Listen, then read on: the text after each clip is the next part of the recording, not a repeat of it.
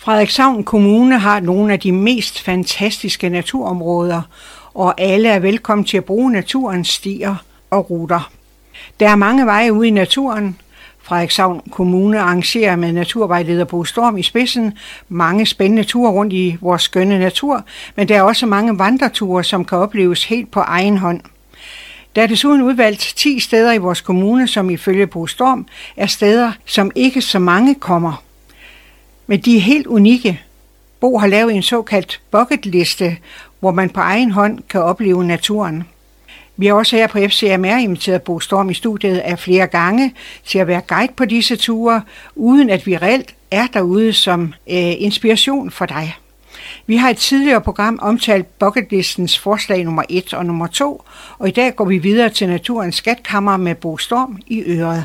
Håber du er med, og så selv på et senere tidspunkt får lyst til at gå en af de valgte ture. Bo Storm, velkommen til dig igen. Tak for det. Fortæl her lige først, hvad de foregående to bucketlister handlede om. Jamen, de to øh, foregående, de handlede jo dels om øh, Stensnes fuglereservate ude umiddelbart øst for Lyngså og tæt på Vorså, hvor vi hørte om historien om et godt sted at tage ud og kigge på fugle og stranden og nogle af de naturperler, der er derude. Og den anden, det var fortidsmændene rundt omkring i kommunen, som ligger som perler på en snor. Den her gang har jeg faktisk tænkt mig, at vi skal tage op til noget, der hedder Gerum Plantage. Og Gerum Plantage ligger ret smukt. Det ligger tæt på Gerum by. Man kører ind af det, der hedder Guldbækskærvej, og så kan man finde en parkeringsplads tæt på. Der er ikke sådan en decideret offentlig P-plads derinde, men man kan ikke undgå at se sted, hvor man kan parkere, fordi det giver sig helt naturligt, når man kommer der. Gerum Plantage er faktisk en del af hele historien omkring øh, skovrejsning i hele kommunen. Fordi øh, Danmark var jo et forholdsvis skovfattigt land indtil 1805, hvor den sidste skovlov blev lavet. Det var jo sådan, at Danmark var skovløst, og man lavede med forskellige forordninger rundt omkring i Danmark nogle forskellige skovrejsningsplaner, men først da man laver skovloven den 27. september 1805, kommer der styr på det. Og øh, her i Vendsyssel var vi jo for, faktisk øh, stort set skovløst. Hvis man siger, at Danmarks skovareal var under 2%, så var Vendsyssel stort set skovfattigt, eller skovløst. Og øh, vi har tabt krigen i 1864, og Dalgas, hedselskabets grundlægger, hedselskabet blev grundlagt i 1866, han rejste rundt og agiterede for plantningssagen i hele Danmark, og kommer til Parkhotel i 1875, og inviterer landets øh, lodsejere, altså gårdejere, øh, til at øh, fortælle om, hvor vigtigt det er at rejse skov i Danmark – og øh, det var der rigtig mange, der mødte op på Parkhotel. Og øh, da mødet var over, tog de jo hjem, og nogle af de allerførste plantager bliver så anlagt her i vores kommune. Øh, den allerførste bliver faktisk Bundgårds Plantage, som blev anlagt oppe i nærheden af Katsibakker. Men øh, også andre steder rundt omkring, og øh, blandt andet her ved Gærum Hede. Gærum Hede er jo faktisk et gammelt fælleshede, og øh, kører man en tur på Fagerholdvej og kommer op til gården ledet, så fortæller bare gårdens navn jo sådan set, at det det her var stedet eller indgangen til fællesheden. Og fællesheden var jo et sted, hvor de forskellige lodsejere, de satte deres kreaturer ud, og øh, man havde så en hyrde til at gå og passe på dem, og det kunne både være kreaturer, som sagt, det kunne også være får, det kunne være geder, det kunne være heste. Det var meget forskelligt, men det var et meget, meget, meget stort areal, som der var faktisk ingen, der ejede. I slutningen af 1700-tallet beslutter man sig så for at lave en udstykning. Og øh, gården Hulsi, som ligger meget, meget tæt på, øh, der mødtes de forskellige lodsejere, inklusiv Gård, som faktisk også havde lidt med det at gøre, øh, og lave en fantastisk udstykningsplan. Øh, planen blev egentlig skabt af ejeren til øh, Bangsbo, som øh, synes det her det var en god idé at gøre noget ved. Og han samlede så lodsejeren på gården Hulsi ved Gærum og lave den her rigtig gode udstykningsplan, som faktisk blev en plan for andre udstykninger i fællesheder øh, rundt omkring i Danmark. Og øh, så overgik den jo så til de forskellige lodsejere. Og øh, mange af de lodsejere har jo også været til mødet på Parkhotel, og øh, da de så kommer hjem, beslutter de sig til, jamen vi skal selvfølgelig også have blandt noget skov herop. Og det gjorde man så. Og så gik man i gang lige omkring år 1900. Og derfor har vi faktisk øh, spændende skov at se på deroppe i dag. Det er jo meget øh, bakket terræn. Øh, Inge indeholder jo øh, blandt andet også det, der hedder Katsimose, Øh, Katsimose ligger jo nede i midten, og Katsi, kat betyder bakker, og si betyder våde dale. Øhm, så, så, så navnet siger jo egentlig sig selv, hvad det er. Her har man tidligere gravet grus, øh, man har gravet tørv, øh, man havde en stor grusgrav i Gærum, fordi der ligger rigtig mange sten omkring deroppe fra istiden. Og det er også her, vi finder et af de højeste punkter, nemlig øh, øh, udsigtsstedet Kig ud, som man finder ved at følge skiltet fra Brønderslavvej. Og så følger du den asfalterede vej hele vejen op til Kig ud, og så er du faktisk 122 meter over havet, og har en fantastisk udsigt over hele vores kommune. Øh, man kan se viden omkring, man kan se den gamle istidsø ved Gærum, altså egentlig der, hvor Lindet ligger i dag. Og øh, man kan se bakker, man kan se mange af vores fortidsminder, som også ligger der. Og Gærum Sogn er faktisk det sogn i vores kommune, som har allerflest øh, gravhøje, eller fortidsminder. Men øh, skoven, Katsi Mose, Katsi Skov, ligger smukt derinde, og det er anden generation skov nu. I øh, 1980'erne foregik der en masse skovning derinde, og det var den første generation skov, der blev væltet. Så de her er noget omkring den her en alder omkring 70-80 år. Og øh, det skov, der er tilbage i dag, det er jo sådan set den yngre skov. Rigtig meget der er plantet der i 80'erne. Det sjove ved at gå derinde, det er også, at man finder jo alle de her sten fra istiden, de ligger rundt omkring i skoven. Og det var jo også derfor, man øh, startede med at lave grusgrav i området der lige efter 2. verdenskrig, øh, hvor der var lokale øh, ejere, som solgte rigtig mange sten, som så blev knust og blandt andet brugt til mange af byggerier, inklusive jernbanen, som kom til Frederikshavn i 1871. Så der skulle bruges mange skaver til det også. Og det slog man så blandt andet af sten derfra. Så stenknusning, grusgravning, det var noget, der har foregået meget der. Men øh, skoven ligger der, og der er jo offentlig adgang, selvom det er privat skov i dag. Den er købt sammen, der er en ny ejer, der ejer det hele i dag. Det er ikke flere lodsejere længere. Men øh, den ligger smukt derinde. Og så er der faktisk et sted, som hedder Tingstedet. Tingstedet har vi jo hørt om mange steder, det var der, man mødtes, når det var sådan, at man skulle afgøre, hvad man skulle, hvornår man skulle så, hvornår dyrene skulle sættes på fællesiden, og alle de her spørgsmål, der var i de her forskellige sovne. Det er også derfor, vi har et sted på Island, der hedder Tingvalla, øh, fuldstændig det samme, hvor vikingerne de mødtes, og så aftalte man, hvad der skulle ske det næste år. Der er den lille historie at finde i det her, at tingstedet ved Gærum er ikke et tingsted. Men det er egentlig bare blevet kaldt det. Og det er fordi, der står en række sten i en rundkreds, og så har man tænkt, når de her sten, det må, jo, det må jo være, fordi folk har haft ting, møde her. Men det har man faktisk ikke. Stenene, der er i den her rundkreds, det er faktisk det, der hedder randstene til en gravhøj. Så nogen har på et tidspunkt tænkt, alt det her gode jord, der ligger i den her høj, det kan vi lige så godt bruge et andet sted. Fordi da man lavede landbrugsreformerne i slutningen af 1700-tallet og i starten af 1800-tallet, hvor man blev mere effektiv og fik skabt lidt det landbrugslandskab, vi har i dag, jamen så fjernede man mange gravhøje. Og øh, våde pletter blev drænet, og alt det, det jord, som man manglede til de våde steder, dem tog man så for de høje, som man, man tænkte, den betydning højene har, og de historier, dem troede man ikke rigtigt på. Det var egentlig derfor, de har været fredet i flere tusind år, hvor de egentlig har ligget der. Det er jo datidens, som vi også har talt om før, det er jo sådan set datidens kirkegård. Så stenene har man så besluttet, de, øh, de var måske for store at flytte, og så har man bare ladet dem stå, og så har det ved heddet sig i folkemunde, øh, men de sten, der ligger her, det må jo være et tingsted. Men det er det faktisk ikke. Så Gærum Plantage er absolut et øh, besøg værd. Man skal huske, der er noget, der hedder en øh, skovlov, og skovloven siger, når det er privatskov, må du kun færdes på, på jordfæstede veje, og kun fra solopgang og til solnedgang. Derudover må du ikke være der. Du må godt cykle, almindelig cykel, men det er kun på de store veje. Og det er ikke tilladt at cykle mountainbike og alle de andre ting, som man gerne vil derinde. Tilbage til kigge ud. Jeg synes godt, at jeg vil lige fortælle lidt mere om kigge ud, fordi det er det højeste sted i kommunen med 122 meter, men det er også stadigvæk det næsthøjeste sted i hele Vendsyssel. Det højeste sted i Vendsyssel, det hedder Knøsen, det ligger ude ved Lund, og det er så på 136 meter. Så det er rigtig højt over havet, når man står der. Der er også en stor mast, og det var faktisk en, der blev sat op i årene 1952-53 som pejletårn for profilfly. NATO de finansierede opsætningen dengang. Så i 2008 kommer der en ny mast, og den bruges stadigvæk den dag i af militæret. et håb er dog, at masten en dag kan blive fjernet, fordi den tager faktisk en lille smule udsigt, når man er der. Men øh, den er 60 meter høj, og kombineret med de 122 meter, så er vi faktisk op på 182 meter over havet oppe i toppen. Jeg ved ikke, om nogen af jer kan huske for nogle år siden, der var der faktisk en diskussion, for der var der kommet en ny rød lampe op i toppen, og den mente man faktisk, den generede Øh, alle dem, der boede omkring, at de skulle se det her røde blink på den her mast. Så kan du ikke umiddelbart finde, hvordan du kommer op til at kigge ud, så kan du altid kigge efter masten. Og den er altså umiddelbart nord for Gærumby, meget tæt på Lindedvej. Men der er altså et skilt, der sat ud til Brønderslevvej, streger du ind af den, og så er der skiltning resten af vejen op til udsigten.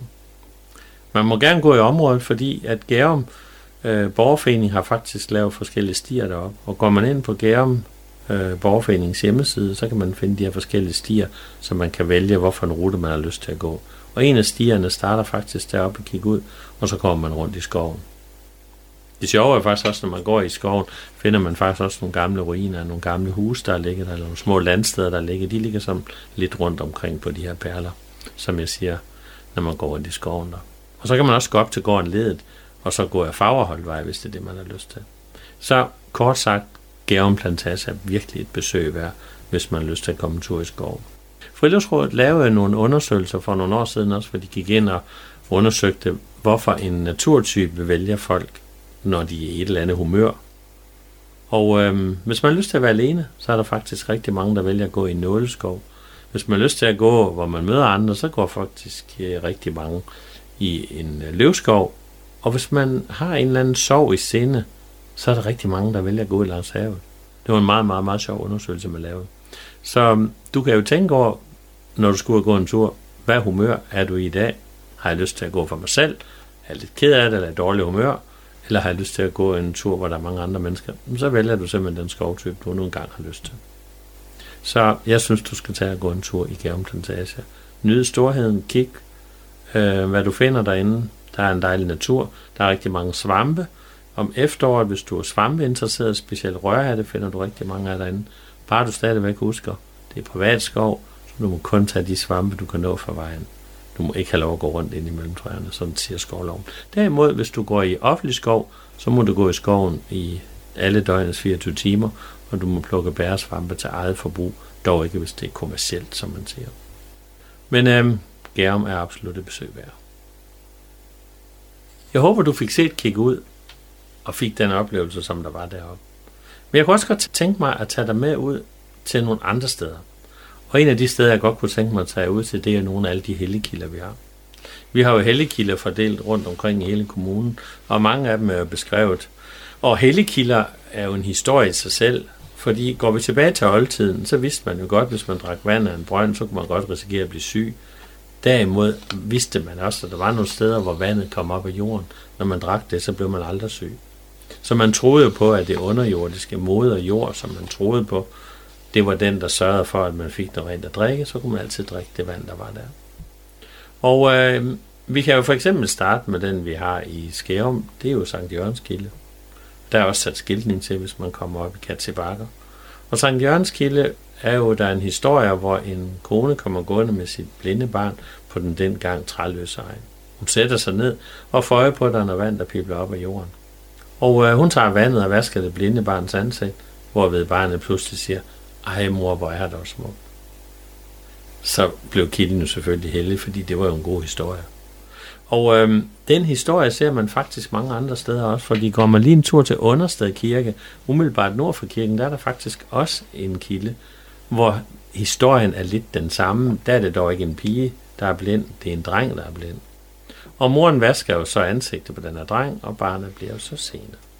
Og det hedder så faktisk, at, øh, at øh, kirken og byen er opkaldt efter det sted, hvor underet skete. Derfor det hedder understed. Er altså lige en anden historie også, fordi at herrevejen, den går jo også den vej forbi. Og man ved jo, når folk kom gående med kreaturer, det var det, man egentlig gjorde på herrevejen. Den havde jo ikke noget med herrer og soldater at gøre, den hedder jo egentlig Oksenvæg. Det er faktisk det rigtige øh, navn på den. Hervejen kommer først til i romantiseringen i 1900-tallet, hvor man mente, at de her anlagte veje, det måtte jo være, når vi skulle have vores herre øh, rundt omkring i hele Danmark for at forsvare landet. Men sådan var det ikke. Den hedder Oksenvæg. Så man transporterede jo kreaturer øh, hele vejen herop fra Vendsyssel, som var et fantastisk godt sted, og fede kreaturer op, specielt ude på Hulsi Hede, er det jo kendt, der har været rigtig mange kreaturer. Så samlede man dem, og så transporterede man dem så ned til de tyske markeder, specielt ved Lübeck, hvor man så handlede salt, så man så kunne tage den anden vej. Når man så kommer med de her kreaturflokke, det kunne måske være to eller tre eller 500 kreaturer, men så skulle man jo ligge under et sted. Og det gjorde man så ved understed, fordi der var kro, der var mulighed for, at de her rejsende, som rejste rundt og handlede med kreaturer og alt muligt andet, de kunne så ligge under i byen. Så der er de to muligheder. Så når du er ude at gå og kigger der ved understedet, som ligger fantastiske landskaber også, der kan du også se det kigge ud, som vi talte om før. Men så får du ligesom fornemmelsen, at det har været et godt sted at holde en pause. Også fordi så er du kommet op ad bakken neden for det flade øh, Frederikshavn, eller Fladstrand, som det hed dengang. Men kilderne bliver faktisk ved helt op i starten af 1900-tallet. Troen på kilderne. Og man har en bog i Skærum, som er helt op til 1908, hvor folk er kommet til kilden, har fået noget vand med sig, og så har man betalt en eller anden sum for at få lov for det her vand. Og summen, altså de penge, man betalte for vandet, det gik så til de fattige i sovne. Man har også holdt kildemarkeder, og kilde, kildemarkederne har man både haft i Jøring, det er i hvert fald et af de meget kendte steder, man har sandsynligvis også haft det i nogle af de kilde, som vi har. Vi ved jo for eksempel ved Karv Kirke ligger der en kilde også, den hedder jo Helligøben, Guds hellige hånd hedder den. Øhm, og, og den blev, der er faktisk en, der er ikke en lignende historie omkring den, som der er ved understeder ved Skærum, men der er så en anden historie, at den har jo været meget brugt. Øh, Kildalsvej hedder vejen, der går op forbi kirken, og Karup Kirke ligger også smukt og højt i vores landskab. Og øh, når man så skal ned til kilden, skal man fortsætte vejen ned i bunden af, af dalen, og så kommer man hen til Helligøben. Den er lidt svær at finde. Men øhm, der var en lokal, som synes, at hvis den kan helbrede mennesker, så kan man også helbrede en hest. Så hun slæbte simpelthen sin hest med ned til kilden, og prøvede at give den noget af det her vand fra kilden der. Men det var jo ikke en god idé. Fordi hvis man blander dyr i ved helligkilder, så mister den sin helbredende virkning, det vand, der kom derfra. Så kilden blev faktisk uh, ubrugelig efterfølgende, at den hest, den havde været dernede. Den hedder som sagt Helligøben. Men andre steder gjorde man det, og øh, vi har en sjov historie fra Hellekilden ved Skærum også, fordi jeg fortalte historien til en busfuld, som var ude at køre og kigge på Hellekilder. Så sidder ved siden af en ældre dame på 87, så siger hun så til mig, og Bo, jeg har en lille historie at fortælle om Hellekilden i Skærum. Jeg boede nemlig ved Skærum, da jeg var en lille pige. Og da vi så skulle til Tjømag, som man siger, så kom vi jo lige forbi den lille ejendom, der hedder Bøjen. Og ved Bøjen, der var den gamle kone, og hun åbner vinduet, og jeg kommer gående sammen med veninden, og så siger hun, Åh, altså hvad, så hvad, kan ingen gå ud i helligtjål og finde noget røg til mig? Og det ville de her to piger jo gerne. Joel betyder jo egentlig en brønd. Så de får en lille bøtte med til det her vand, og så går de jo en tur op igennem Skærumby. Men de tænker alligevel lidt til hinanden, der er godt nok langt at gå derud til Helligilden, så der ligger en lille hus, der hedder Gaden. Og øh, han har også en brønd, og så går de ind og spørger, om de kan få noget vand af den her brønd. Og det jo jo, det kunne de godt, siger manden, der bor der, de kan bare tage alt det vand, de vil. Så de tager vandet, venter en lille smule tid, og så går de tilbage til konen, afleverer det her vand, og får en skilling, og så går de så hjem igen. Og tænk så, konen hun blev rask. Så der er jo noget med tro, kan flytte bjerge. Understrid kilde, som jeg nævnte før, der er faktisk også en historie om en dreng, der var blind, som jeg nævnte før, han blev så vasket, og øh, så kunne han jo pludselig se, øh, hans aftryk af hans fod, den er faktisk indmuret i kirkens altertavle. Den var, indtil vi kom op i starten af 1900-tallet, der var det den gamle altertavle, den blev så ravet ned og erstattet af noget nyt. Men øh, så blev den genopført sidenhen, og der kan man så gå ind og kigge på aftryk af den drengsfod. Så der er jo nok noget om, om historien alligevel. Historisk samfund, som øh, eksisterer stadigvæk den dag i dag, de har jo rundt omkring på mange af de her helligkilder, der har de jo sat en sten, så man kan se den. Der står der så historisk samfund øh, på stenen. Vi skal også en tur til Hørby, fordi der har man noget, der hedder Saltkilden. Den ligger meget tæt på Hørbylund, og øh, der kan man også gå ned. Man skal lige gå ind og snakke med ejeren først. Der er ikke offentlig adgang. Hvis du lige banker på ved ejeren, og man kan google sig frem til, hvor den ligger henne, øh, så spørger man lige, om man lov at gå ned til den. Og det er faktisk det ene sted, hvor jeg har set, at man kan sætte ild til vand. Fordi øh, der er rigtig mange blade, der ligger inde i en skov. Og når man roder i det her blade, så kommer der gas op. Og øh, hvis man så med en lighter lige inden man giver sig til at rode i bunden af den her kældekilde, så sætter man lige lighteren i gang, og så kan man se, hvordan det her, så blusser ilden pludselig kraftigt op. Det er meget sjovt at vise, hvis man har folk med på tur der. Så um, saltkilden oppe ved Hørbelund, den er faktisk også et besøg værd. Den sidste kilde, vi faktisk har, det er jo jernalderkilden i Sæby. Og uh, det er nok den mest kendte kilde, vi har i nyere tid, og som var med til at gøre, at Sæby blev en førende kurby. Og det var tyske teglværksarbejdere, som gik og arbejdede derude, der blev tørste indimellem. Og så fandt de ud af, at det her vand, når de har pumpet op fra en brønd, at der var sådan en sjov bundfald, men når de rørte rundt i spanden, så gav det faktisk en god smag i det her kaffe og lige det her vand. Og så mener man jo, at, øh, at det var fornuftigt at give til at drikke det her vand. Og Ulrik Plesner har jo faktisk tegnet kildebygningen derude, og øh, kong Frederik den 8. og dronning Louise besøgte jo stedet og drak vand fra stedet i 1908, og øh, Christian den 10. har faktisk også besøgt stedet i 1912. Og øh, Sæby, eller Jernkilden, den er meget, meget nem at finde, hvis man kommer en tur til Sæby. Så der er jo sjove øh, steder at besøge og fortæller både historien og fortællinger om vandår, som går op og ned på kryds og tværs i undergrunden, og nogle gange kommer vandet frem på steder, hvor lag undergrunden tillader, at vand kan løbe, eller det er vel, nogle gange på skråninger og på marker. Det mest kendt i Nordland er jo faktisk Store Blokhilde ved Rold. Øh, om så vandet er heldigt der eller ej, det må man jo ligesom selv have en fornemmelse af, men, men Blokhilde ved Rold er faktisk øh, øh, tænkt sig, det er jo mere end 1000 liter vand i sekundet, som vælter op i jorden, hvor man kan komme hen og besøge. Og der har man jo også i oldtiden taget ud til at drukke det her vand og bade sig selv. Og, og det sjove, det er faktisk, at, at den der med, med festerne ude ved kilderne og sælge noget vand og drikke noget vand og sådan noget, det har man jo brugt, ja, som jeg sagde, helt op i 1908-1910 på de gamle kilder og jernalderkilden stadigvæk den dag i dag øh, kan man jo hente vand derude. Så, så det er jo noget, man har troet på. Da vi så går hen og bliver kristne, så er man jo fra kirkens side meget imod det her, fordi der er jo kun én Gud, men der er jo ikke noget, der hedder helligt vand. Men øh, selvom man tordnede i kirkerne imod det, så fortsatte folk jo med at gå ud til helligilderne. Og så fandt man jo ud af, at det var smartere at deltage i festerne. Så man øh, deltog velsignet vandet, og så kunne man jo være en del af det, og så viste kirken sig jo også på lige nøjagtigt på det sted der. Det hedder så faktisk også, at barnløse kvinder også gik ud til helligkilderne, og specielt to dage om året. Det er valborgsaften, og det er jo så Sankt Hans aften, for der er vandet mest helligt. Og så kunne man jo bade sig, fordi mange steder kunne man gå ned i vandet. Og øh, når der så gik ni måneder, så fødte man et velskabt barn, enten om det var en dreng eller en pige.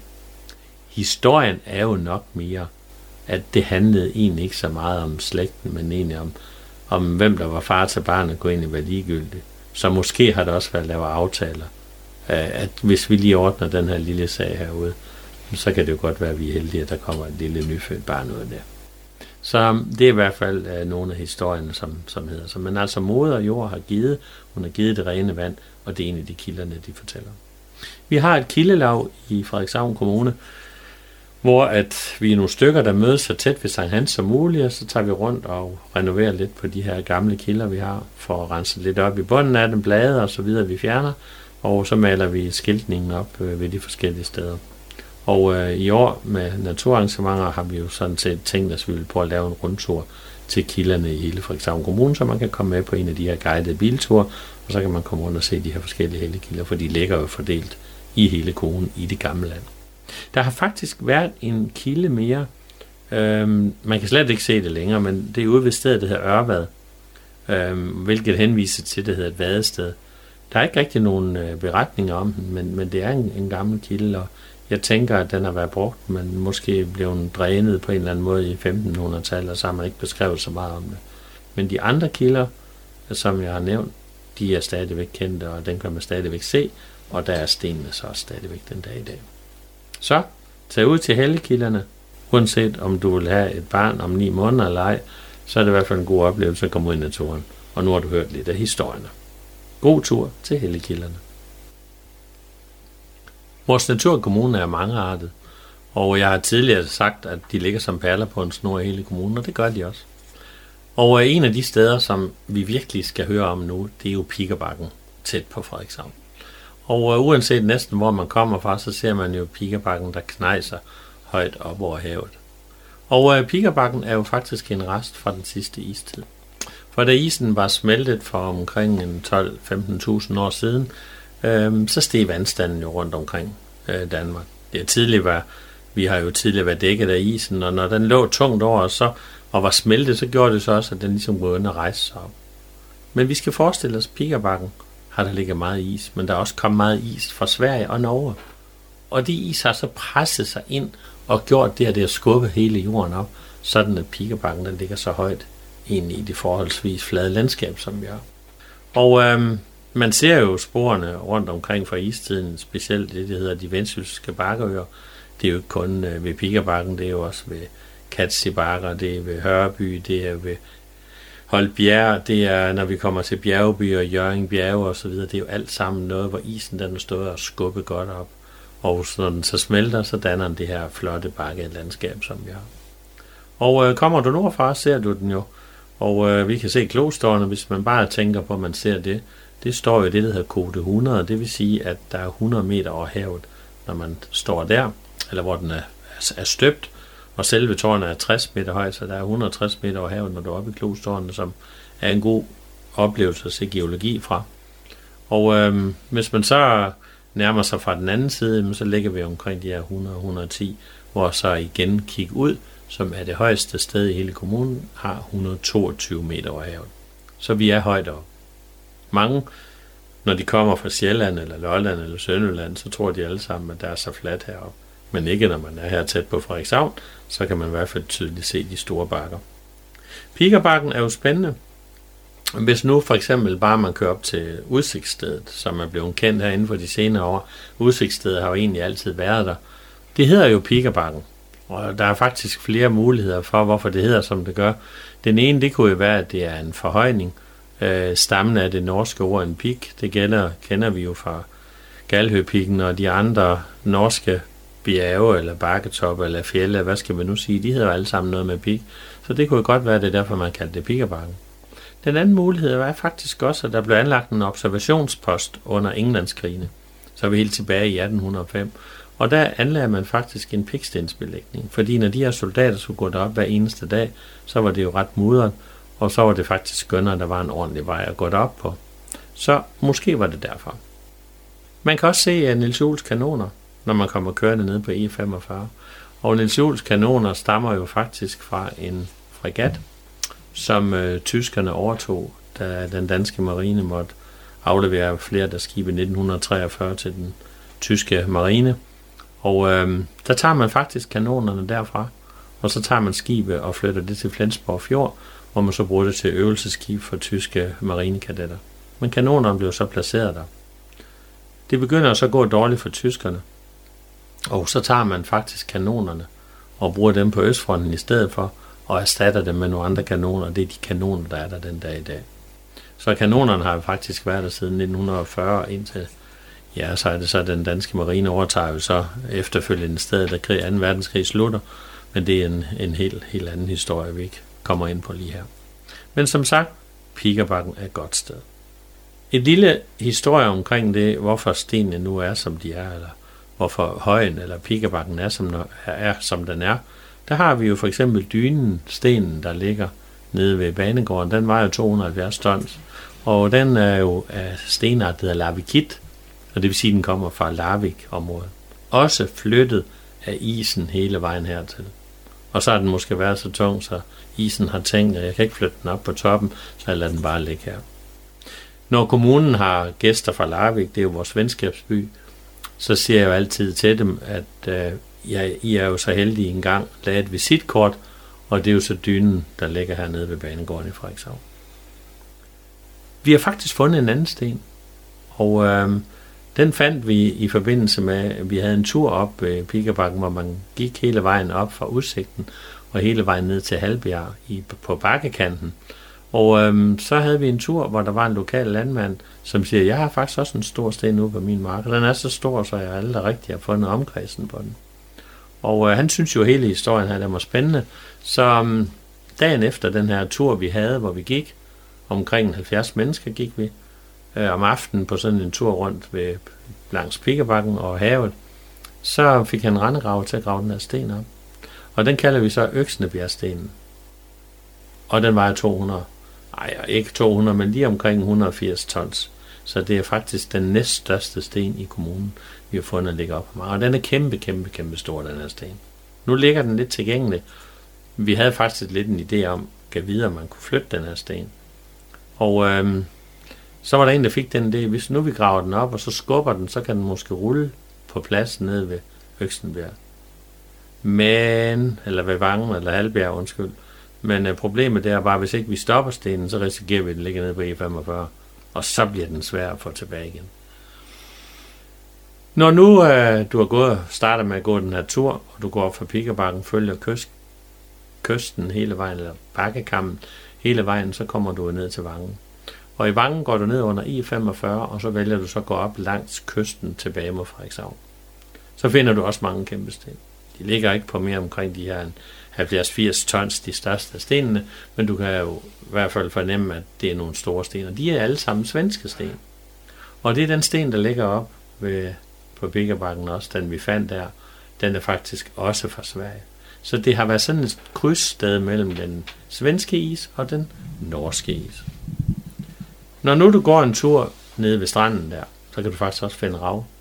Og det er der mange andre, der har fundet ud af, og man kan jo med ultraviolet lys, kan man jo gå ud langs stranden i mørke, og det er jo godt her i november, december, januar, når der er nogle storme med pålandsvind, så kan man gå med de her lamper i mørket og kigge efter rav. Det lyser sådan lidt specielt op. Men øh, det er et godt sted, og det er specielt i opskyllet. Rav er jo let, så når man kigger efter rav, skal man jo ikke kigge højt op, fordi hvor det ligger rulle lige nøjagtigt der, hvor vandet det øh, ruller ind på, på stranden, i det man kalder opskyldskanten, med tang og alt det andet. Der finder man rav, og der er også mange, der går hver eneste morgen med en lille rive, og så kratter de i det her tang og finder masser af rav. Jeg kender flere, der bor derude ved Guldkysten, som har masser, masser af små stykker rav, som de har fundet der. Og det er jo det, vi egentlig kalder Nordens guld. Og så er man tilbage i stenalderen samlet rigtig meget, man handlede med hinanden om øh, store ravstykker osv. Og det stammer jo fra den gang, at det hele var en stor skov, men det er jo omkring øh, 2-5 millioner år siden, vi skal tilbage, men der stammer alt det rav, som vi har. Øh, og igen en anden historie, som øh, landet, der hed Pangea, hedder det faktisk. Og øh, landet, som var der før istiderne, de begynder. Så vi er omkring de der 65-100 millioner år tilbage i tiden. Så det er noget gammelt sager, det her rav. Men flot er det, og, og nogen kan lide rav, nogen kan ikke lide det, men man kan i hvert fald nemt finde det der. Så kommer man tilbage, og øh, lige inden vil jeg lige fortælle, så finder man en stor kållignende plante, og det er strandkål. Og strandkål kan man faktisk spise. Man kan døbe det i pandekagedej, man kan frityrestege det, og det smager rigtig godt bladene. Jeg vil da opfordre til, at man ikke gør det, fordi vi har ikke så meget strandkål der på Østkysten. Så spring lige over det, men nu kender du i hvert fald historien omkring det, øh, hvis du skulle gå forbi de her store planter. Tilbage til byen kommer du forbi Møllehuset, hvor, og på vej tilbage mod Pikkerbakken igen. Hele turen rundt tager omkring to timer og er meget fysisk krævende, og udover det, så går det meste af turen jo på privat jord. Og igen en god ting, det er jo at gå ind og spørge, om man må have lov at lige gå den tur øh, her på bakkekammen, øh, når man er ude og skal gå den her lille spacertur. Fordi det er jo privat ejendomsret, og den skal man selvfølgelig respektere, og også i forbindelse med naturbeskyttelsesloven og afstandskrav og alt så videre. Men det kan man også finde på kommunens hjemmeside, hvor der også er naturbeskyttelsesloven stående, så man kan lige lære, hvordan det nu er. Men øh, har man ikke mod på den lange tur, så kan man jo gå en tur ned i bunden langs kysten, der kan man sagtens gå, og så kan man jo nyde udsigten, og nu kender du i hvert fald historien omkring Pikabakken, hvorfor den ser ud, som den gør. Nogen kan måske huske, for nogle år siden var der faktisk nogle jordskred derude. Vi er helt tilbage i starten af 80'erne, og det var efter et længerevarende regnskyld. Og det er fordi, der er salt i jorden, og der er meget ler. Og det, der binder ler og jord sammen, det er salt. Når så det regner rigtig, rigtig meget, så udvaskes salten af jorden, og så kan jorden så give sig til at skride. Og det er faktisk ikke mere end et par år siden, der var et skred igen. Så hvis du står nede på Gamle Sæbevej og kigger op mod Niels kanoner, kan du faktisk se et jordskred øh, lige under en af kanonerne. Om der kommer et stort jordskred, eller det er der ingen, der kan spå noget som helst om. Det, det ved vi jo ikke. Og så kan man jo sige, at guldkysten i fare, eller vil det løbe hele vejen ud over E45? Ja, det kan jo selvfølgelig kan det ske, men sandsynligheden er meget lille, så er det nok sket allerede. Umiddelbart syd for kanonerne på skråningen er der meget større skred, som er beskrevet i mange geologiske bøger, og faktisk er det, der hedder en, det, der man kalder en geosite. Lige så vel som øh, Pikabakken er det, og plus kig ud også er det, man kalder en geosite, altså steder med geologisk øh, seværdighed. Så det kan I jo tænke over, hvis I går en tur i landskabet der. Så rigtig god tur til øh, Pikabakken, og nød den flotte tur, og udsigten øh, på den nye platform, som er lavet for nogle år siden, hvor private sponsorer synes, at nu trængte vi til at få opgraderet udsigtsstedet ved Pikabakken, og øh, det var i forbindelse med købstadsjubilæet, for da Frederikshavn fejrede 200 års købstadsjubilæum. Og der blev den så lavet og indvidet. Og der finder man også kongestenen op, hvor de forskellige konger, de har skrevet deres initialer i det, hvor den sidste, det er jo så kronprins Frederik, som var op og var med til at indvige udsigtsplatformen, da den blev indvidet her for nogle år siden. Men et godt sted, meget populært sted, og da vi havde sendt vintersolværvsfest her den 21. december 2022, der gik vi selvfølgelig også op til udsigtsplatformen, og vejret var fantastisk, og vi kunne nyde udsigten over hele Frederikshavn. God tur til Pikkebakken. Frederikshavn Kommune ejer og forvalter omkring 1000 hektar skov og naturarealer. De ligger som perler på en snor i hele kommunen. Den sydligste plantage, vi har, det er professorens plantage. Den øh, nordligste, vi har, er Kalmer Remmer. Og Kalmer Remmer ligger og gemmer sig lige inde bag Jævby. Det er en af de områder, man nemt kan komme til, hvis man ikke har bil, for man kan tage toget til Skagen og stå i Jerup station, og så kan man faktisk øh, nemt gå ind og se Kalmar Remmer. Det er et fantastisk naturområde. Det er ikke kendt af så mange. De fleste kender jo Bangsbro skov og Knivholm skov og Elling Plantage og Gybes Plantage, også som ligger ved Sæbe. Der er også rigtig mange, der kender Katsi Bakker, ikke mindst, som har rigtig mange besøgstal. Men øh, Kalmar Remmer eller Jerup Plantage eller Hedek, eller Egekrattet, som det er kaldt, det er der faktisk ikke så mange, der kender. Det er ikke altid vejet af kommunen, men tilhører gården Søndergård og gården Thomas Minde. Men i 1970 købte den dengang øh, Elling Kommune jorden fra Søndergård til udstykninger, da Jærby voksede i den periode. Og jorden tilhørende gården Thomas Minde overtog Frederikshavn Kommune i 2012 i forbindelse med en jordfordeling. Der har været spillet fodboldkampe på de her frie arealer, inden der blev bygget hus. Det kan jeg jo selv huske, da jeg var dreng i Jæv. Øhm, og hele byggeriet, alle de her huse, der ligger derude for enden af Kalmarvej, øh, de stammer jo fra slut 70'erne, begyndelsen af 80'erne. Man kan parkere sin bil, og så kan man gå ind i området. Der er et kort ved indgangen, hvor man kan se de her forskellige stier, man kan gå på, men det behøves man faktisk ikke, fordi der er så mange trampede stier rundt omkring i hele området. Og i og med det hedder egekrat, er jo faktisk meget naturligt, fordi det er det, der hedder et remmer-dobberlandskab. Og remmer, det er nogle høje volde, og dobberne er nogle lave lavninger i landskabet. Og alle remmerne, de er fyldt med egekrat. Nogle egetræer, som er forkrøblet, står i det her sand, men de står der og har været der i flere hundrede år, og faktisk også fredet. Der kom en fredning derude i 1956, øhm, og som gør, at man må godt have lov, ejerne må godt have lov at falde nogle træer til hegnspæl, som står der, men så må man ikke have lov at ændre området. Tidligere har de forskellige landmænd også sendt sand, som man strøede bag køerne, når man havde modet ud, så strøede man altid sand der lige bag køerne, hvor de skider, fordi så var det nemmere at komme til at mode ud efterfølgende.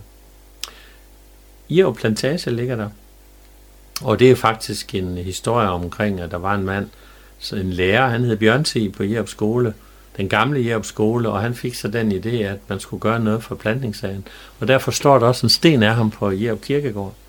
Og øhm, han var en initiativtageren til, at Jerup Plantage begyndte at blive plantet der i slutningen af 1800-tallet, lige omkring år 1900-tallet. Og der er faktisk også en vej i Jerup, der er opkaldt efter ham, nemlig Bjørnsi-vej, efter den her lærer, som tog de her gode initiativer. Han fik så også en, en præmie, fordi han havde taget de her initiativer dengang. Og øh, man kan godt se det gamle skov, og så tænker man ved sig selv, jamen det er jo mange år siden, hvorfor er det ikke større? Og det er det jo, fordi det er jo gammel sandjord eller hævet havbund, det hele der. Området hedder jo Kalm og Remmer, opkaldt efter en gård, som har ligget der, men som måtte fraflyttes i 15-1600-tallet på grund af sandflugten, som var jo virkelig markant her i vores del af Vendsyssel. Også derfor, man, man laver sandflugtsbekæmpelse i 17- og 1800-tallet og opretter statens klitvæsen og så videre og så videre og så videre. Men øh, gården måtte fraflyttes, men vejen hedder stadigvæk Kalmer Rimmer, som der er opkaldt efter den. Det er dejligt at gå, og jeg vil så lige henvise specielt til foråret, fordi øh, der har vi jo masser af anemoner, og der er masser af lillekomvaljer. Og oplevelserne og duftene gør det til en magisk oplevelse øh, at gå derude. Hvis man nu går ud og følger en af de stier, der går langs jernbanen, så kan man faktisk se den gamle jernbanelinje.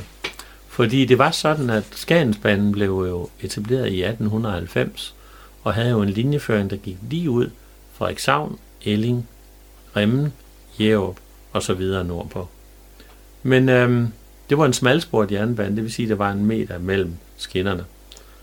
Og øh, Skagen voksede meget, Strandby voksede rigtig meget til en fiskeriby, og alle de her varer, man skulle have over på statsbanerne, statsbanerne var kommet til Frederikshavn i 1876, så man skulle gøre et eller andet, man skulle jo så læse varerne fra den smalsporede over på normalspor, som statsbanerne var, det vil sige, at der var en meter 45 imellem skinnerne, og det var jo meget besværligt. Så var det nemmere, hvis det var de samme togvogne, der kunne køre hele vejen til Skagen.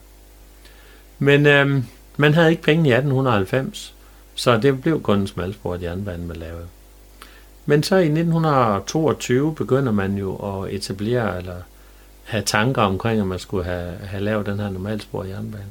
Og så flytter man den faktisk i 1924, der indviger man så den nye jernbanelinje. Og øhm, så flytter man en lille smule umiddelbart syd for Jerv. Den går stadig væk til Remmen, men er en anden linjeføring. Og så går den til Strandby, og fra Strandby og så videre til Frederikshavn. Så man nedlægger faktisk trinbrættet i Elling, øh, hvor det tidligere lå.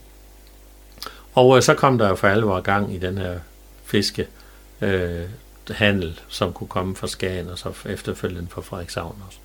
Og der kan man faktisk se sporene, fordi går man hen for enden af spor, det gamle spor, øh, eller den gamle linje, så kan man faktisk se resterne af et stemmeværk. Og det her stemmeværk, det var jo faktisk den gamle bro, fordi der lå jo en mølle derude, der hed Kavsker Mølle.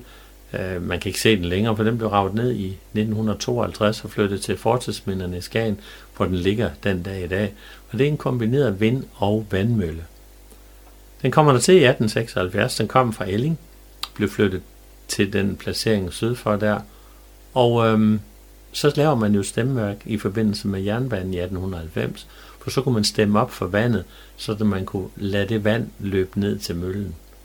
Der er den der med, at det er en kombineret vind- og vandmølle. Øhm, og da man så flytter jernbanen, så beholder man så stemmeværket, og det er det mange de kalder det. Slusen blev det også kaldt i gamle dage. Øhm, den er så efterfølgende lavet om nu her. Dels laver man den op i 1986, hvor man renoverer den som fisketrappe, og så har man så helt fjernet spærringen den dag i dag i forbindelse med nogle EU's vandplaner, hvor man gerne vil sikre, at fisk nemmere kan færdes i vores vandløb, uden at skal op igennem fisketrapper. Så, så det gjorde man, men det bliver stadigvæk kaldt slusen, eller stemværket ude ved Kravskov Å, som øh, åen hedder, som løber der. Der hedder det også Kravskov Mølle, og alle gårdene, der ligger i det område, de hedder også Sønder Kravskov, Nørre Kravskov og så videre, så videre, Sønder Kravskov. Det, det er sådan, der Øster Kravskov hedder den jo. Så et godt sted at bo. Man kan gå en lille tur, man kan gå en lang tur, man kan gå over Stemmeværk og gå ud til den gamle Tolshavevej, så kan man gå igennem Tolshave, og så kan man komme ud til Sendalvej, og så gå langs åen tilbage til Kalmarvej igen. Og vi havde en tur her i 2022, hvor vi gik netop den tur, den er cirka 3,5 km lang. Spændende tur, Kalmar Remmer, et sted man virkelig skal se, og øhm, hvis du så er lidt skarp, lægger du også mærke til, at der er en masse hus, når du ender. Hvis du vælger at gå den lange rundtur, så kommer du tilbage igen til Kalmaremmer igennem skoven, men så ser du også alle øh, nogle gule huse, der ligger rundt omkring, og det er faktisk de tjenesteboliger til statsfængslet. Og statsfængslet var jo egentlig en ungdomsarbejdsløshedslejr, som blev etableret i 1920'erne. Da så 2. verdenskrig kommer, så tager tyskerne lejren og bruger den til, til tyske altså, hvad kan man sige, krigsfanger og russiske overløbere. Og det eksisterer den så indtil 1945, hvor øh, staten overtager det, fængselsvæsenet overtager det i 1946, og så bliver det et fængsel, frifængsel, og så skulle man jo bygge en nogle boliger til alle de her ansatte, og det gør man så dernede i, i det område, der hvor man bygger alle de her gule huse i slut 50'erne, begyndelsen af 60'erne. De ligger der så stadigvæk, men er privat ejet den dag i dag. Selve statsfængsler har ikke tjenesteboliger længere. Så god tur til Kalmar Rømmer. Den næste tur, du skal høre om, handler egentlig om Hulse Hede, Råbjerg Kirke og historien om sandflugten, som har betydet rigtig meget for os, der bor her i Vendsyssel. Vi skal jo huske på, at der har jo tidligere været skov på Hulse Hede. Det er jo ikke lige den opfattelse, man har, når man kører fra Hulse og nordpå mod Skagen. Så ser man jo sådan set noget af måske Danmarks eneste vildmark, store lyngbakker og nogle, nogle klitter rundt omkring. Men der har tidligere været skov, mennesket har boet her, men i 14-1500-tallet er der jo rigtig mange mennesker i Skagen, og på et tidspunkt mener man faktisk også, at Skagen har været en af de største byer i Danmark, selv sågar overgået København. Og det var jo fordi, at også en af de ældste købsteder, vi har, den er over 600 år. Øhm, så der har været rigtig meget gang i den øh, omkring Skagen. Der har også været stuedrift, og alle de her stuer, de skulle jo gå og fedes op ude på Hulse Hede. Kongerne har haft øh, store hestehold herude, og det er jo klart, mange mennesker, kreaturer, vinden, ikke mindst, høstning af lyng og revlinge, og øh, hjelme og marhalm for som foder, det gør jo, at areal efterhånden bliver fuldstændig øget. Og så i 1600-tallet har man det, man kalder den lille istid, hvor det faktisk bliver koldere i hele Danmark. Og den gør jo, at havet trækker sig en lille smule tilbage. Det er også derfor, at vi har istiderne, når at den binder, isen binder, når der er istid, binder den jo rigtig meget is meget vand, og det gør så, at vandstanden trækker sig tilbage. Og øh, når den så smelter, så stiger vandet jo igen, og det er det, vi oplever meget i, rundt omkring i vores landskab. Men øh, den sidste istid gjorde, at havet trak sig en lille smule tilbage, og kombineret med nogle kraftige storme, satte jo gang i sandflugten. Og vi har jo fældet alle træerne, vi har taget alt. Øh, det grønne, der var, har jo bare haft dyrket marker, og så begyndte sandet jo for alvor at fyre. Det gjorde den hele vejen ned langs den jyske vestkyst, sågar i Tyskland også, og hele vejen ned i Normandiet. Og øh, mange øh, beretninger derude fra Hulsighed fortæller jo historien, at folk, de har boet her, og der er mange, der hedder Lund og, og Hulsistederne, og der simpelthen ligger gårde rundt omkring over det hele, men de måtte jo fraflytte på grund af den her sandflugt. At man så sin mark om foråret, kommer der en kraftig storm, så lagde sandet sig hele vejen ind over markerne. Og en af dem, vi har og kan kigge den dag i dag, det er jo Råbjerg Mile. Råbjerg Mile er en levn fra sandflugten. Det er egentlig to klitter, der mødes og har stikkurs mod øst. Tidligere havde den lidt mere sydøst, men øh, på grund af at vinden har ændret sig en lille smule, vinden i øh, 60'erne, 70'erne og op i 80'erne, der var den faktisk nordvestlig. Men i dag er den blevet lidt mere vestlig, og så er det klart, så går milen jo mod øst i stedet for. Der var en, der spurgte en gang, hvornår når Robbia Mile havet, og det gør den jo 2126 år middag. Om det kommer til at passe, det vil tiden jo vise. Men det vil i hvert fald vare en 100 år, inden at vi kommer så langt. Klitten er fredet, og man betaler erstatning. Staten betaler erstatning til de lodsejere, hvor, hvor dynen, sanddynen, ligesom lægger sig hele vejen indover. Der er også den, der hedder Tornbakkeremmen. Lige når man kører Hulsi by, kører man jo igennem en, en remme også, og det er det samme. Det er simpelthen en klit, der starter hele vejen ude vestfra i 15-1600-tallet, så den vandrer hele vejen over til den har nået Kattegat, og den ligger faktisk umiddelbart nord for Hulsiby. Hulsi har heller ikke altid ligger, hvor den ligger den dag i dag. Den har faktisk været flyttet, også på grund af sandflugt. Og vi har også sandflugtshistorien op fra den tilsandede kirke, som man måtte fraflytte i slutningen af 1700-tallet, hvor man rager kirken ned og bruger den til genopførelse af den nye kirke inde i Skagen by, St. Laurentius kirke, og det eneste, man lå stå tilbage, det var tårnet, som man kan se den der i dag, og det er jo fordi, den skulle bruges som sømærke for fiskerne rundt omkring Skagen. Et godt sted, når du skal besøge det området. Der er mange muligheder, når du kommer op og skal se hulsighed. Men en af de rigtig gode steder, synes jeg, det er at parkere ved Råbjerg Kirke. Så er du også lige øh, kommet forbi Gårdbo Gård og historien om Gårdbo Sø, som var en stor lavbundet sø, som blev tørlagt i øh, slutningen af 1800-tallet, hvor landmanden Jørgen Vendenbo Larsen, han køber Sønder Gårdbo og Nørre Gårdbo, og så lægger han dem sammen. Og den sø, der var, den kan han så til at lave en tørlægning på i 1886. Og øhm, så kommer du til Råbjerg Kirke. Og Råbjerg Kirke er en af de ældste kirker, vi har også i hele området, den er jo var omkring år 1400. Det er ikke den ældste kirke eller bygning, vi har i kommunen. Det er faktisk Gærum Kirke, og meget tæt på Sankt Jørgens Kilde, øhm, som vi har snakket om før, en af de andre podcasts. Men øh, omkring 1400 laver man Råbjerg Kirke. Kirken har ikke altid haft et, øh, en klokke, men øh, kysten gik jo længere inde på det tidspunkt. Det er jo stadigvæk et land, der vokser mod nord, øh, den nordlige del af Vendsyssel, hvor vi bor. Fordi havet giver, og havet tager. Havet tager på vestsiden, og så lægger den til herovre på østsiden. Men der er faktisk man muligt at sejle lidt tættere på Råbjerg Kirke, end man, man forestiller sig i dag. Så var der skib under en storm i 1400-tallet, som øh, lider skibsbrud. Og øh, de lokale råbærboere, de besluttede sig for at tage hjælp dem her ombord på skibet, og redder alle og hele lasten faktisk. Og så siger ejeren, en hollandsk købmand, hvad kan jeg gøre som gengæld, fordi I har reddet mig og min besætning?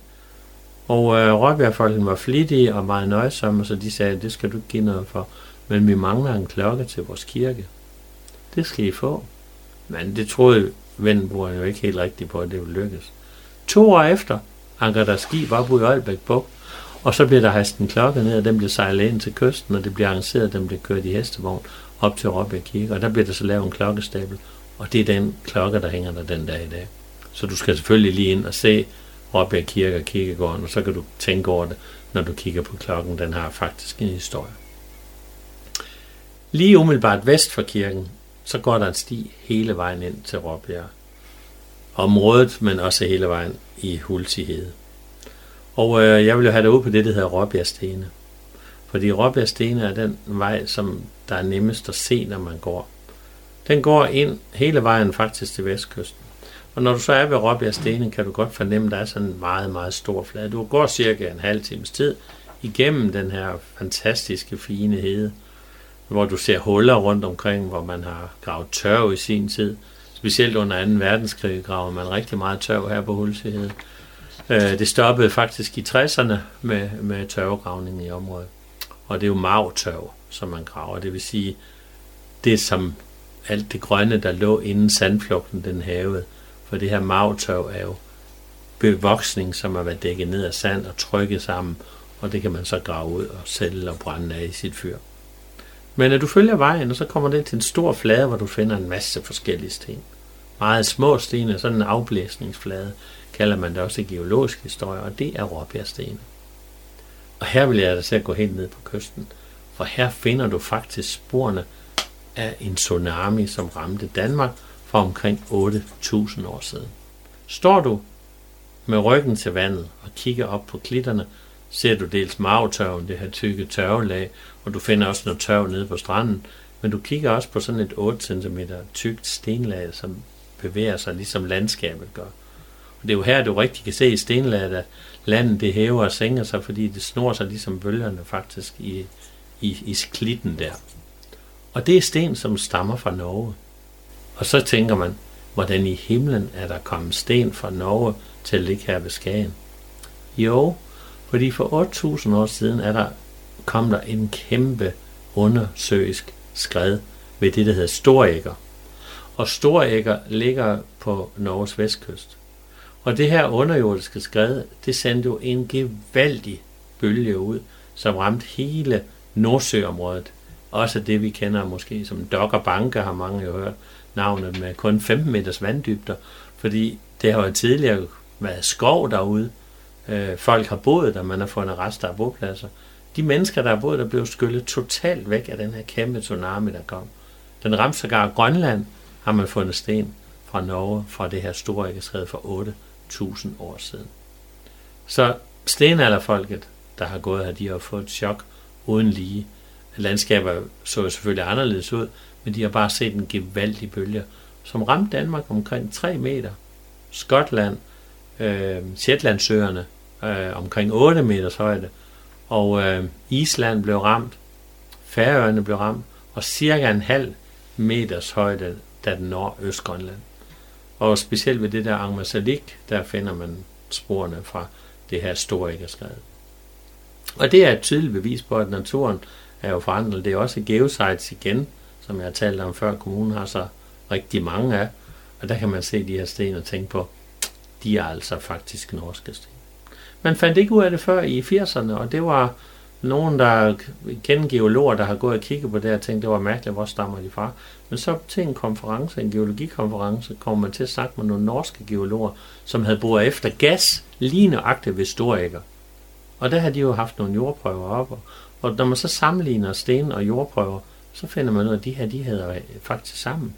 Og så giver man sig til at undersøge alt det andet, fordi man har også spekuleret på, for eksempel, hvordan kan det være, der lå norske sten inde i Loch Ness-søen? Jamen, det kan jo ikke lade sig gøre, for den ligger 8 meter højere end havet. Så det burde jo ikke kunne lade sig gøre. Og det er jo derfor, man finder ud af, jamen bølgen har i hvert fald været 8 meter høj, da den rammer Skotland, for så kan stenene fra Norge ikke ramme ind, helt ind i midten af Skotland. Så naturen er hele tiden foranderlig, og vi skal ikke altid tro, at naturkatastrofer sker andre steder i verden. Det sker altså især i vores egen kommune, eller har sket i vores egen kommune. Og så bliver geologen selvfølgelig spurgt, kan der ske sådan en skred igen? Hvad med hele den nordlige del af Vendsyssel? Den gamle linje, det vi kalder Skagen Øje, kan den pludselig blive ramt af en tsunami? Men selvfølgelig kan den det. Men sandsynligheden er jo ikke ret stor, men man skal jo aldrig sige aldrig, når man snakker naturkatastrofer. Så vi plejer jo at sige, hvis man skal bygge et hus, og med de her klimaforandringer og muligheder for dem, så skal man måske flytte op i det gamle land igen, og Ravnsøj og Skærum og Gærum og alle de andre steder. Og øh, det oplever vi også i øjeblikket. Gærum har jo faktisk et byggeboom i øjeblikket, hvor folk gerne vil på sig i Gærum. Men øh, på vejen tilbage, kan du faktisk vælge at støde på hugorm. Hugorm er Nordeuropas eneste giftslange, og den trives rigtig godt af ubrugelighed. Den er jo heldigvis blevet fredet, og det gør, at man ser hugorm meget mere, end man gjorde tidligere. Og selvfølgelig er den giftig, men den er mere bange for os. Så vi skal egentlig bare stå stille, så forsvinder hugormen stort set altid af sig selv.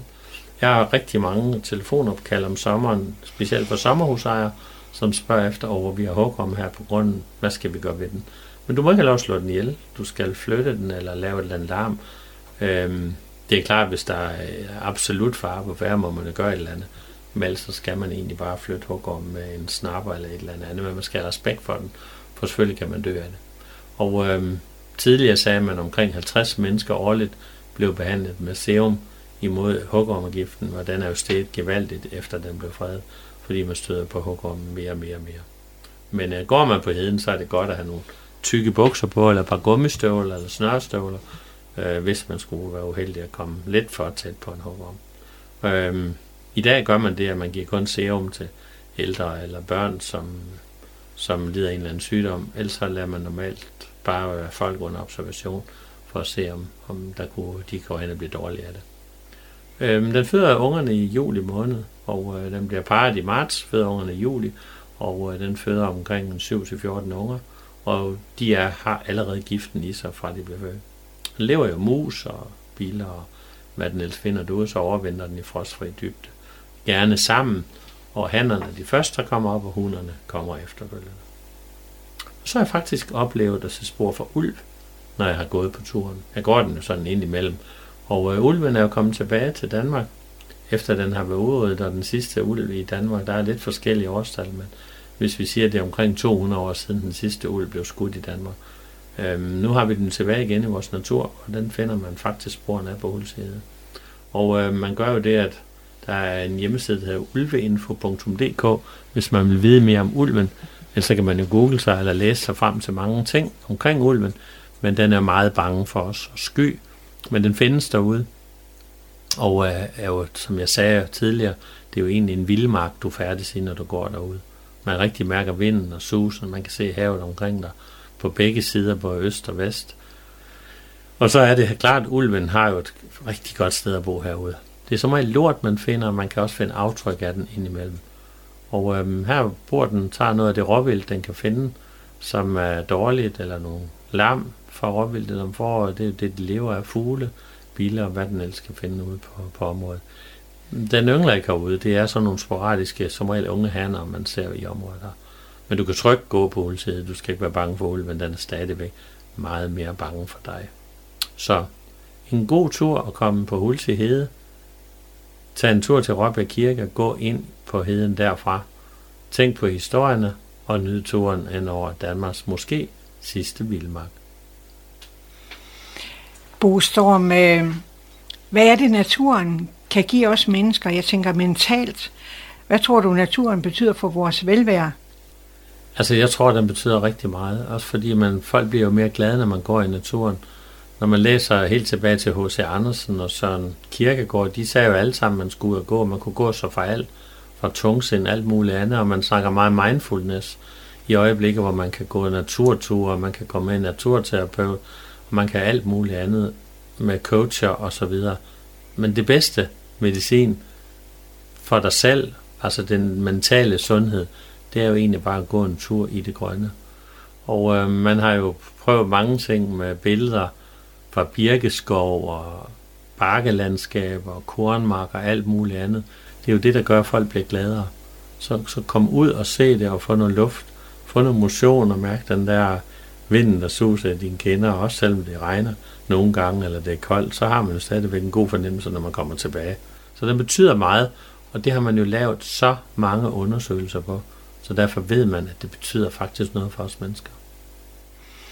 Endnu en gang har vi høstet af naturvejleder ved Frederikshavn Kommune på Storms utrolige beskrivende naturerfaring og interesse med endnu nogle naturruter fra bucketlisten, der jo består af 10 udvalgte ture.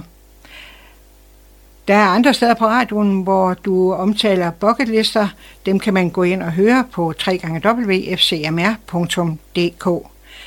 Tak til Naturvejleder Bo Storm for endnu en omgang interessante ruter i kommunens natur.